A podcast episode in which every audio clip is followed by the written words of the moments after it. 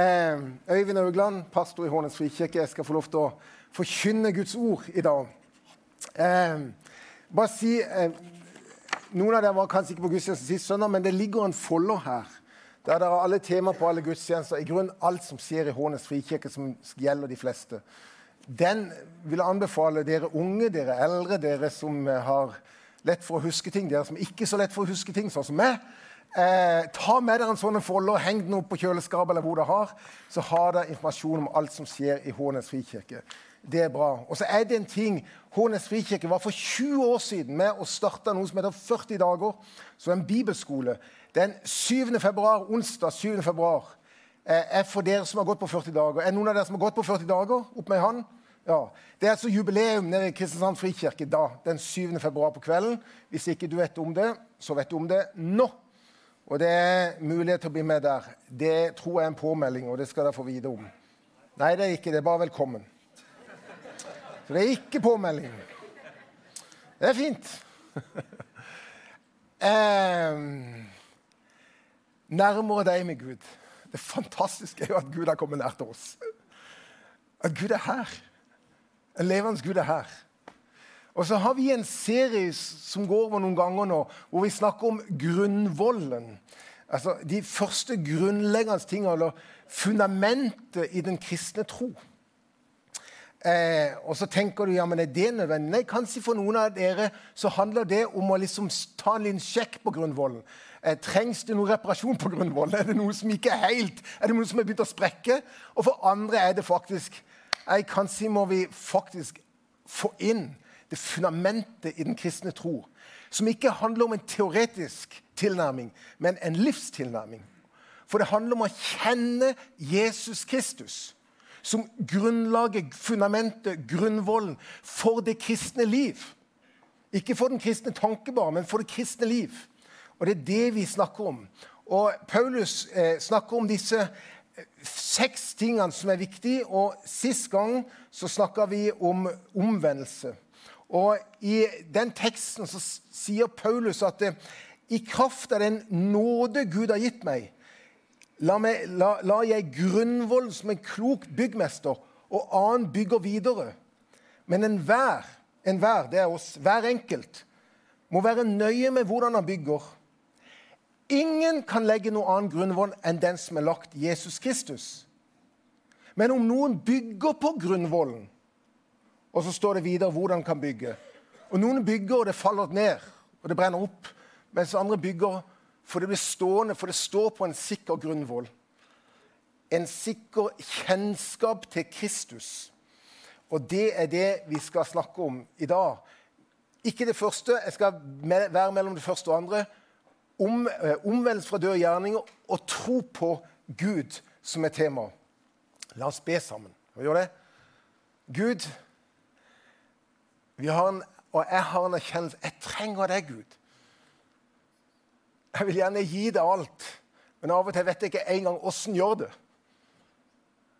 Og Vi trenger ditt nærvær, din kraft, din tilstedeværelse midt iblant oss. Og du har lovt det. Se, jeg er med dere hver dag, alle dager, alle livsfaser og situasjoner. Så er du til stede. Du er en levende Gud til stede. Men la oss leve i det erfare det, erkjenne det, gjenkjenne det. Så det blir til liv for oss, og dette fundamentet blir styrka i våre liv. Vi ber om det i Jesu navn. Paulus har jo en erkjennelse at det ikke alltid eh, grunnvollen er på plass i de første kristne. Eh, den grunnleggende forståelsen av Jesus. Øyvind Akselsen snakka forrige gang, og noen av dere husker han hva han sa.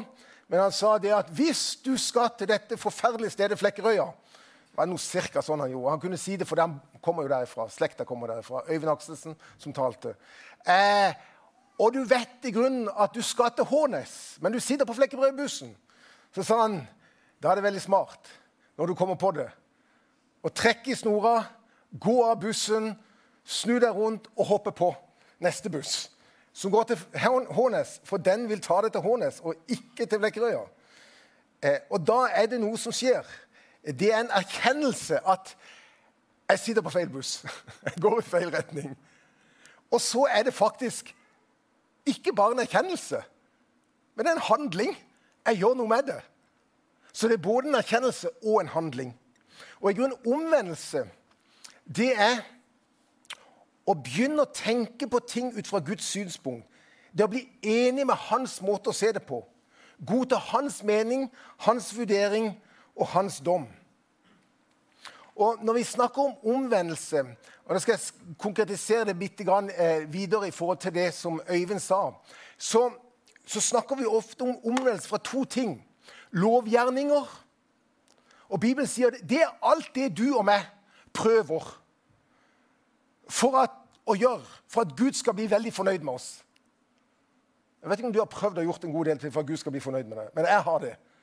Og det var kanskje det som gjorde at jeg en gang møtte veggen. Fordi at identiteten min lå mer i hva jeg Og det ble et religiøst strev og slit. For det skulle jo være god nok. Skjønner du hva jeg sier nå? Det er alt det, det kalles, Bibelen kaller lovgjerninger. Og Bibelen sier det kalles religiøsitet, fariserisme. Det hjelper deg ingenting. Så du må faktisk vende deg fra lovgjerning. Og det skal si det, det ligger så besnærende. Jeg skal komme tilbake til det, hvorfor det er så viktig. Men så er det også kjødets gjerninger. Og Galaterbrevet beskriver det som eh, utukt, urenhet, skamløshet, avgudsdyrkelse, trolldom, fiendskap, trette, fyll, festing og mer av samme slag. Det er døde gjerninger. Det var der. Eh, og eh, Bibelen sier til og med at de som gjør sånn, skal ikke arve Guds rike. Oi!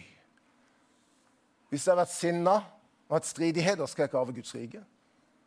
Hvis jeg har vært ute på en fyll og festing en gang, skal jeg ikke arve Guds rike. Nå har ikke jeg vært for mye på fyll og fest. Eller hvis det har Og så er jo dette bare ei av disse remsene som Bibelen sier om. Men det er ikke det som er poenget. Poenget med Bibelen sier at eh, du skjønner at hvis du fastholder ting når du vet at Gud har talt av deg av det gode og rett, så kommer det et tidspunkt der du blir utfordret til å vende om, gå på en annen buss. Gi Gud rett. Men hvis du fortsetter å holde på med det, og fortsetter å holde på med det, og fortsetter å holde på med det, så kommer det et, på et eller annet tidspunkt der du faller ut av Guds nåde. Fordi du gjør det bevisst og fortsatt. Men derfor kaller Bibelen oss til omvendelse fra døde gjerninger. Det er alle de gjerningene som i grunn ødelegger for deg sjøl, for andre mennesker rundt deg, og som ikke Gud har behag i. Det er disse to gjerningene. Og Derfor sier Bibelen når, eh, i, i, dette at når, eh, når, Jesus kom Han sa at tiden er fullkommen. Guds rike kommer nær. Omvend dere og tro på evangeliet. Eller det som det står videre Men alle den som tok imot ham, den ga han rett til å bli Guds barn, de som tror på hans navn. Så omvendelse fra døde gjerninger, lovgjerninger og alle mulige kjødets gjerninger. Å tro på Gud, det er fundamentet i den kristne tro. Og vi tror jo ikke på hva som helst. Og av og til, Hvis du, hvis du leser f.eks. Bjørn Eidsvågs evangelie nå, så, så, så, så har ikke han dette evangeliet lenger. For Jesus blir til slutt ikke en historisk person. Jesus blir ikke til slutt en historie som, som døde og oppsto fysisk.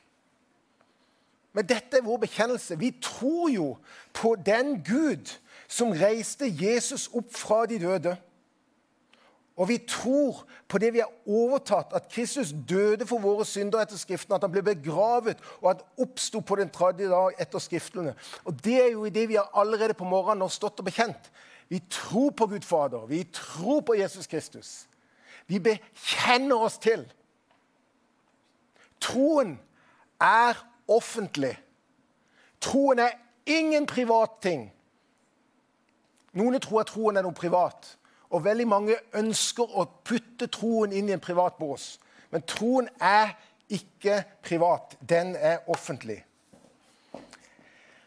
Og hva er på en måte, Hvordan kan vi lære dette? Her er en enkelt pedagogisk verktøy som jeg av og til har brukt, eh, og som er veldig enkel. Det er omvendelse og tro. Gud taler oss til tid, sted, kanskje her i dag. Så hører jeg Guds ord, og så kommer Den hellige ånd. Og så tar han det ordet, og så gjør han noe inn i mitt liv. Han taler til meg. Og da står jeg på et valg. Og Bibelen da sier du kan si ja til det og vende om, men det er bare én ting. Hvis ikke du da du i tro griper de løftene Gud gir i sitt ord. Så det er både omvendelse og tro hører nøye sammen. Og hvorfor vil vi omvende oss? Hvor, hvor, jeg vet ikke om det er sånn med det, men har du vært i et rom der du lurer på om de som er der, vil deg vel? Har du, vært, har du, vært, sammen i et rom med mennesker der du er usikker på om de vil deg faktisk vel? Eller om de er ute etter å ta det? Eller om de er ute etter å i grunn gjøre litt gjøn med det? Rive det litt ned? Har du vært i et sånt et rom? Jeg har vært i et sånt rom. Hva gjør det med meg? Jeg holder meg tilbake. Jeg, ikke, jeg blir ikke åpen. Har dere merka det? Jeg trekker meg. Det er helt klart Hvis vi tror og er usikker på om at Gud, vår skaper, er god og vil der vi er godt, hvorfor skal vi da komme nær til ham?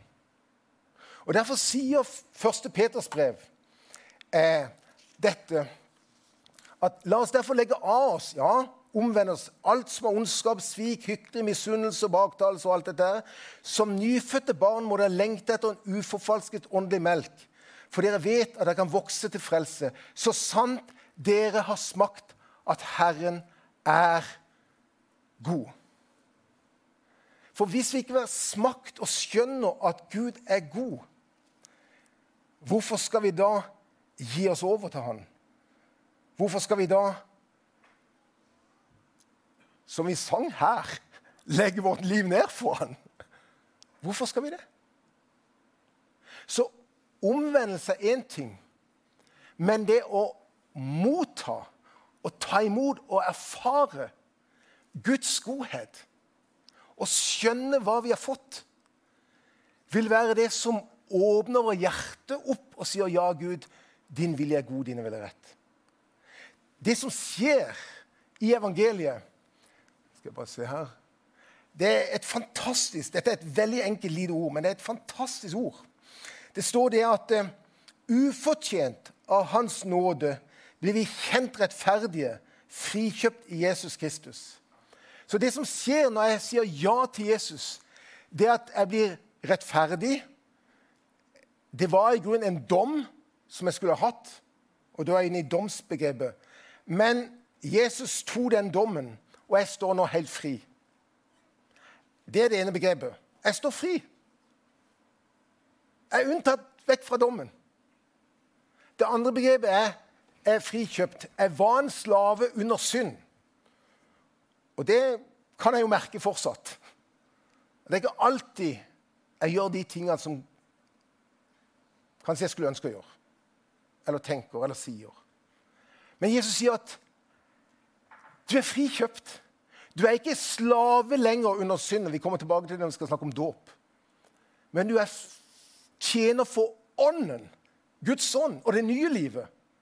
Så synden og det trenger ikke å styre over det. Det er det det sier. Og Derfor så kan jeg stå der og tenke Wow! En gave i tro. Jeg kan stå framfor Gud uten opplevelse av mindreverd.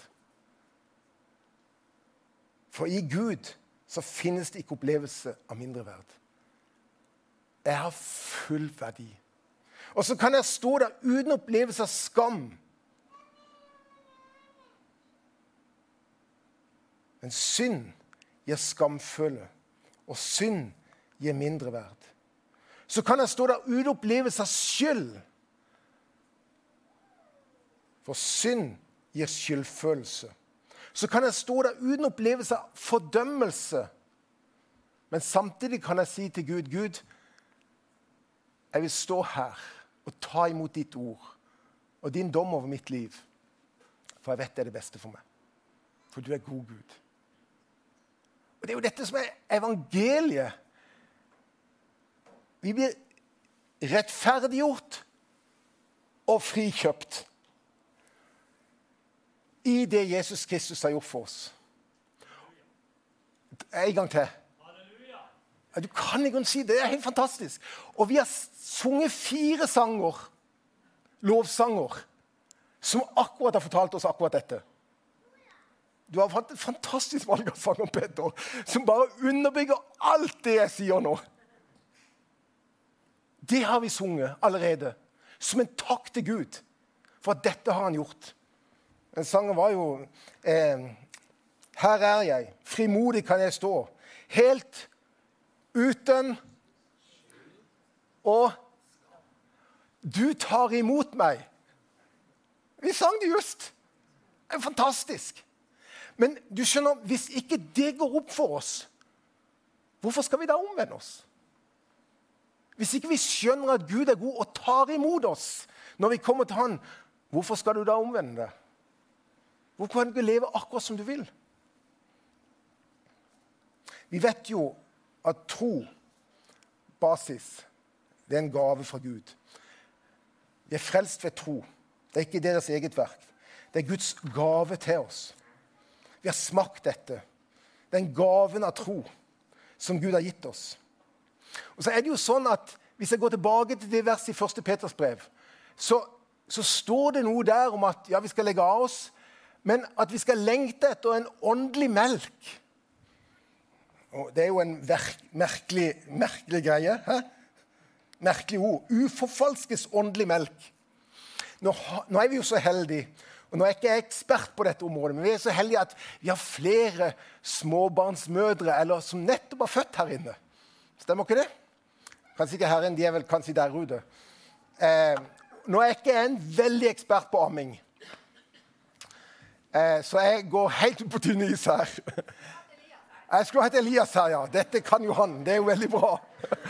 Men jeg har jo forstått at i dagens samfunn så oppfordrer de mødrene veldig kraftig til å gi brystmelk og morsmelk.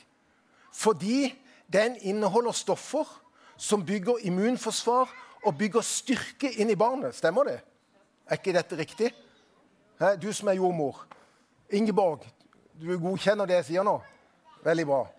Eh, for det bygger immunitet, de bygger styrke, motstandskraft inn til å stå når ting begynner, og sykdom og alle mulige ting kommer. Det er jo dette som Bibelen sier Det er utrolig viktig å få grunnvollen på plass. For det er som en åndelig melk, eller som morsmelka, som, som, bygger kraften, bygger immuniteten, bygger styrken til å møte det som kommer. Og det står det i det verset her at etter den lengte etter den uforfalskede åndelige melk det fins en uforfalska åndelig melk. Det fins sannhet i Guds ord som er grunnleggende viktig for å få plass. Så en ikke lett når han møter nye ting, så blir han satt ut og spilt ut. Eller som Bibelen sier, en blir veivende med enhver lærdoms bedrag. En blir rett og slett satt ut. Personlig eget liv. Fordi grunnvollen eller de første gode ingrediensene i den åndelige morsmelka er på plass. Og det er jo sånn at Og det er her som er inne i vår, i, i, i vår tekst. Det er her at Bibelen sier faktisk at Og nå sier vi til dere Han sier etter så lang tid burde mange av dere være lærere. Men dere trenger noen som på nytt kan lære dere de første grunnleggende ting i Guds ord. Dere er blitt slike som trenger melk. Dere må på en måte på ny morsmelk, sier han. Dere på ny på en måte, Jeg må bygge immuniteten, styrken, igjen i dere. Selv om i grunnen den burde dere jo ha fått. Det er det han sier. For den som lever av melk, er et spedbarn og forstår ikke budskap om rettferdighet, men en fast føde er for de fullvoksne, de som bruker sansene og øvner opp til å skjelne mellom godt og ondt.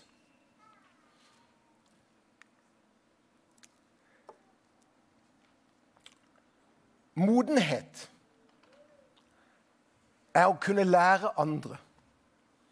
Det er naturlig når en vokser opp i det kristne liv, å kunne være med å lære andre og gi videre.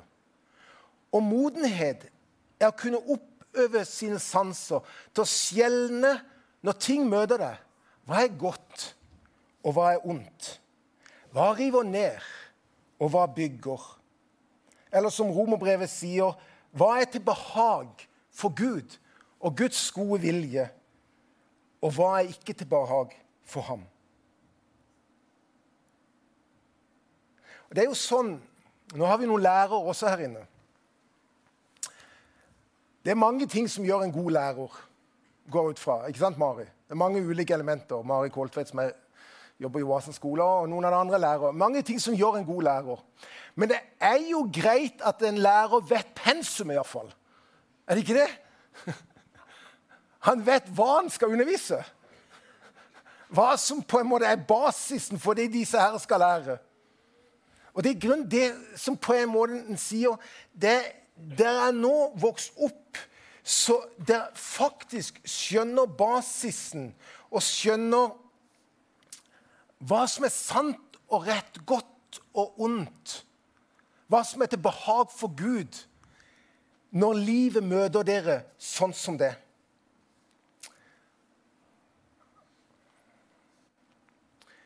Sist mandag Nå mandag. Ja, det var sist mandag. Så hadde vi oppe en sak på menighetsmøtet både om Bibelens forståelse av samliv mellom mann og kvinne, og om vårt skriftsyn som frikirke. Og noen vil hevde at en kan godt ha samme skriftsyn, men forskjellig forståelse av hva Bibelen sier om samlivet mann og kvinne, eller mellom kvinne og kvinne og mann og mann. Som hyrder og leder i Hånes frikirke så tror vi faktisk ikke det er mulig. Vårt skriftsyn og bekjennelse hviler på en forståelse av at Gud skapte mennesket sitt bilde. Til mann og kvinne skapte han det. Det er mange ulike menneskelige erfaringer. Og vi skal møte alle mennesker med Guds kjærlighet, omsorg og varme. Men samtidig må vi alltid prøve alle våre menneskelige erfaringer under Guds ord og bringe de under Guds ord i kall til tro, omvendelse og tro. Og hva det sa Omvendelse er å Lurer på han der. Nei, jeg var ikke der. Omvendelse er å begynne å tenke på ting på Guds, ut fra Guds synspunkt. Det er å bli enig med hans måte å se det på, godta hans vurdering, hans mening. For dette, sier rombrevet, at troen kommer av forkynnelsen. Og forkynnelsen kommer av Kristi ord. Derfor er det så utrolig viktig at vi, vi er et sted der forkynnelsen er. Eh, vi kaller oss sjøl en 3G-menighet. Eller jeg sier det, og jeg vet ikke om det er godt lenger. For når vi både 4G og 5G og, så, så I grunnen så passer det jo ikke. Vi må finne på noen flere G-er. Men poenget er at vi snakker om vi tror gudstjeneste er viktig, og her er dere. Vi tror generasjoner er viktige. Her er dere. Og vi tror grupper er viktige. For i både gudstjeneste og grupper så ønsker vi å åpne Guds ord, dele Guds ord og lese Guds ord. Men vi tror på generasjoner. Og jeg vil si Nå sier du Torkel her. Hei. Godt å se deg. Torkel har sånn ca. en gang i måneden noen av dere ungdommer hjemme hos seg og åpner en bibel. Du er en mo moden far og mor. Du er ikke en mor, da. Du er en far, da. Unnskyld. Eh, du er disse her som Bibelen sier, som kan være en lærer, og som har lært hva som er godt og ondt, og hva som er sant og rett, og hva som er ikke så lurt, og hva som er litt mer lurere. Og vi er så heldige i denne menigheten at vi har så mange lærere. Så mange som har vandret med Gud så lenge og kjenner Jesus. Og det som vi ønsker, det er jo at dere skal få lov til å gi det videre til de som kommer opp av nye familier, nye ekteskap, eh, folk som gifter seg, unge folk, folk som nykommer til tro. som gjerne er 50 år, eller 60 år eller 70 år. Sånn at de har noen som de kan sitte ned med Bibelen og forstå de første grunnleggende ting i Guds ord. Hva det vil si å kjenne Jesus og livet sammen med han. Det er det vi ønsker. Og det er så mange av dere som er lærere, som er gått forbi grunnvollen. Eller det har grunnvollen på plass i livet. Den er solid. Der kjenner Jesus. Og som har bygd over mange år et tjene Gud i hjem, og i familie, i samfunn. Mange av dere. Og som er der at det er lærere. Og der kjenner han som er fra begynnelsen. Og der virkelig også har en evne til å skille mellom godt og ondt. Det som er et behag for Gud. For de har lært å leve i tro og omvendelse og tro i livene deres. Når Bibelen skal lære oss Nå er to bibelfordelinger til, og nå skal vi ta en liten øvelse. ok? Er det greit? Nå reiser vi oss opp. Stå opp. For jeg skal lese Guds ord mens vi står oppe. Det er jo respekt for Guds ord. For når Bibelen skal lære oss om dette, tro, så, så er tro veldig i tråd med tillit. Og Når Paulus underviser om tro og tillit, så bruker han Abraham som eksempel. Og han sier Derfor fikk ham Nå leser jeg fra Rombrev 4. Derfor fikk ham, Abraham, løftet ved tro, for at det kunne være av nåde, slik at løftet kunne stå fast for helheten. Ikke bare den som har loven, men også for den som har Abrahams tro. Han er far til oss alle, slik det står skrevet. Til far for mange folkeslag har jeg satt deg. Han er vår far i Guds øyne. Den Gud som han trodde på, han som gjør de døde levende, og kaller på det som ikke er til, som om det var til. Mot håp trodde han med håp, for at han skulle bli mange far. Ettersom det var sagt, slik skal din ett bli. Uten å bli svak i troen tenkte han på sin egen kropp, for han var jo en 100 år, som alt var utlevd. Ja, det står jo, Han var snart 100 år, ja. Det, står jo, det var litt for tidlig her. Og på Saras morsliv, som var utdødd. Men på Guds løfter tvilte han ikke i vantro. Men han ble sterk i sin tro idet han ga Gud ære og var full viss på at det Gud hadde lovet, det var han mektig til å gjøre. Amen. Sett deg ned. Det var bare en liten sånn en break. Eh, så Abraham sier han at det var tillitsforholdet og hvilen i at Gud, det Gud hadde sagt, det var sant, som gjorde at Abraham til troens far Han hadde tillit til Guds løfter og det han sa. Så det som er med Abraham Omvendelse og tro balanseres i det at jeg faktisk har tillit til Guds ord og tillit til Guds løfter. For det jeg lærer meg når jeg omvender meg til Gud, så skjønner jeg at det Gud sier, er sant. Og Jesus, eh, Bibelen sier at den, den, stolte står han imot, men den ydmyke gir han nåde. Og så er det jo sånn at Noen kommer der etter hvert og ja, jeg, jeg, nå er jeg omvendt meg, og jeg lever med Gud. og jeg har, eh, Nå er jeg fantastisk. Nå, nå går det så det griner. Dette er fantastisk å være kristen. Og det er jo det er, så, det er utrolig bra. Men så er det jo alltid der man bare minner seg bare ikke hopp over i lovgjerningen og, og tro at nå får du det.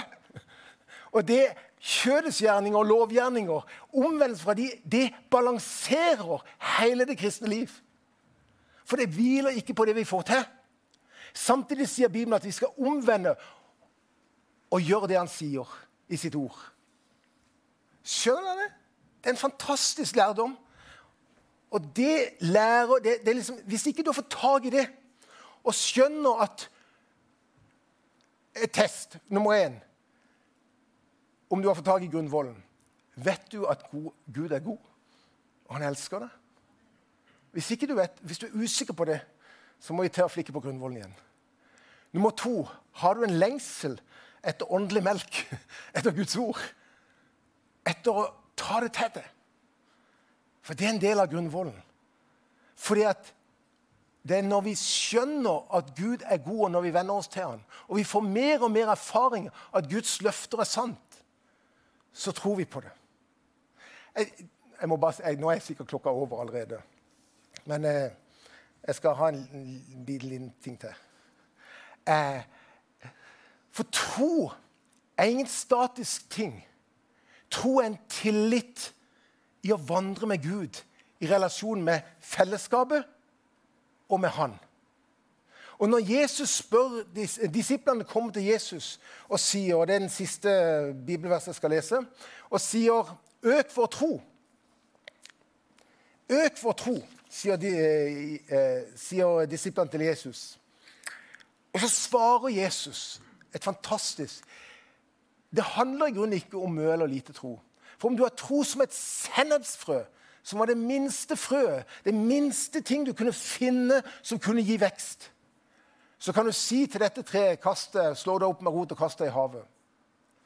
Og så begynner han å si, men hvis en herre har en tjener, og den tjener kommer inn, setter han seg da ned og tenker ja, nå har jeg gjort det som trengs. Hvis Herren spør han, er ikke tjeneren selvfølgelig lydig mot Herren? Jo, selvfølgelig.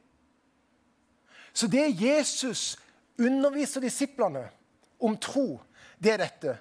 Det handler ikke om mye eller lite tro. Det handler ikke om mengde tro. For tro er en gave som gis deg. Tro er en tillitsrelasjon. Så det handler ikke om mye eller lite tro. Primært sett, vet du hva det handler om? At vi handler på den tro som ble gitt oss. Du kan sitte på bussen til Flekkerøya og tenke at jeg er på feil vei. Om fem minutter til jeg tenker fortsatt jeg er på feil vei. Om fem minutter senere tenker jeg er på feil vei og på feil buss. Men hvis ikke du handler og går av bussen og på en ny buss, så kommer du til Flekkerøya til slutt. Skjønte dere bildet? Ja, takk skal dere ha. For tro, den handler. Tro taler.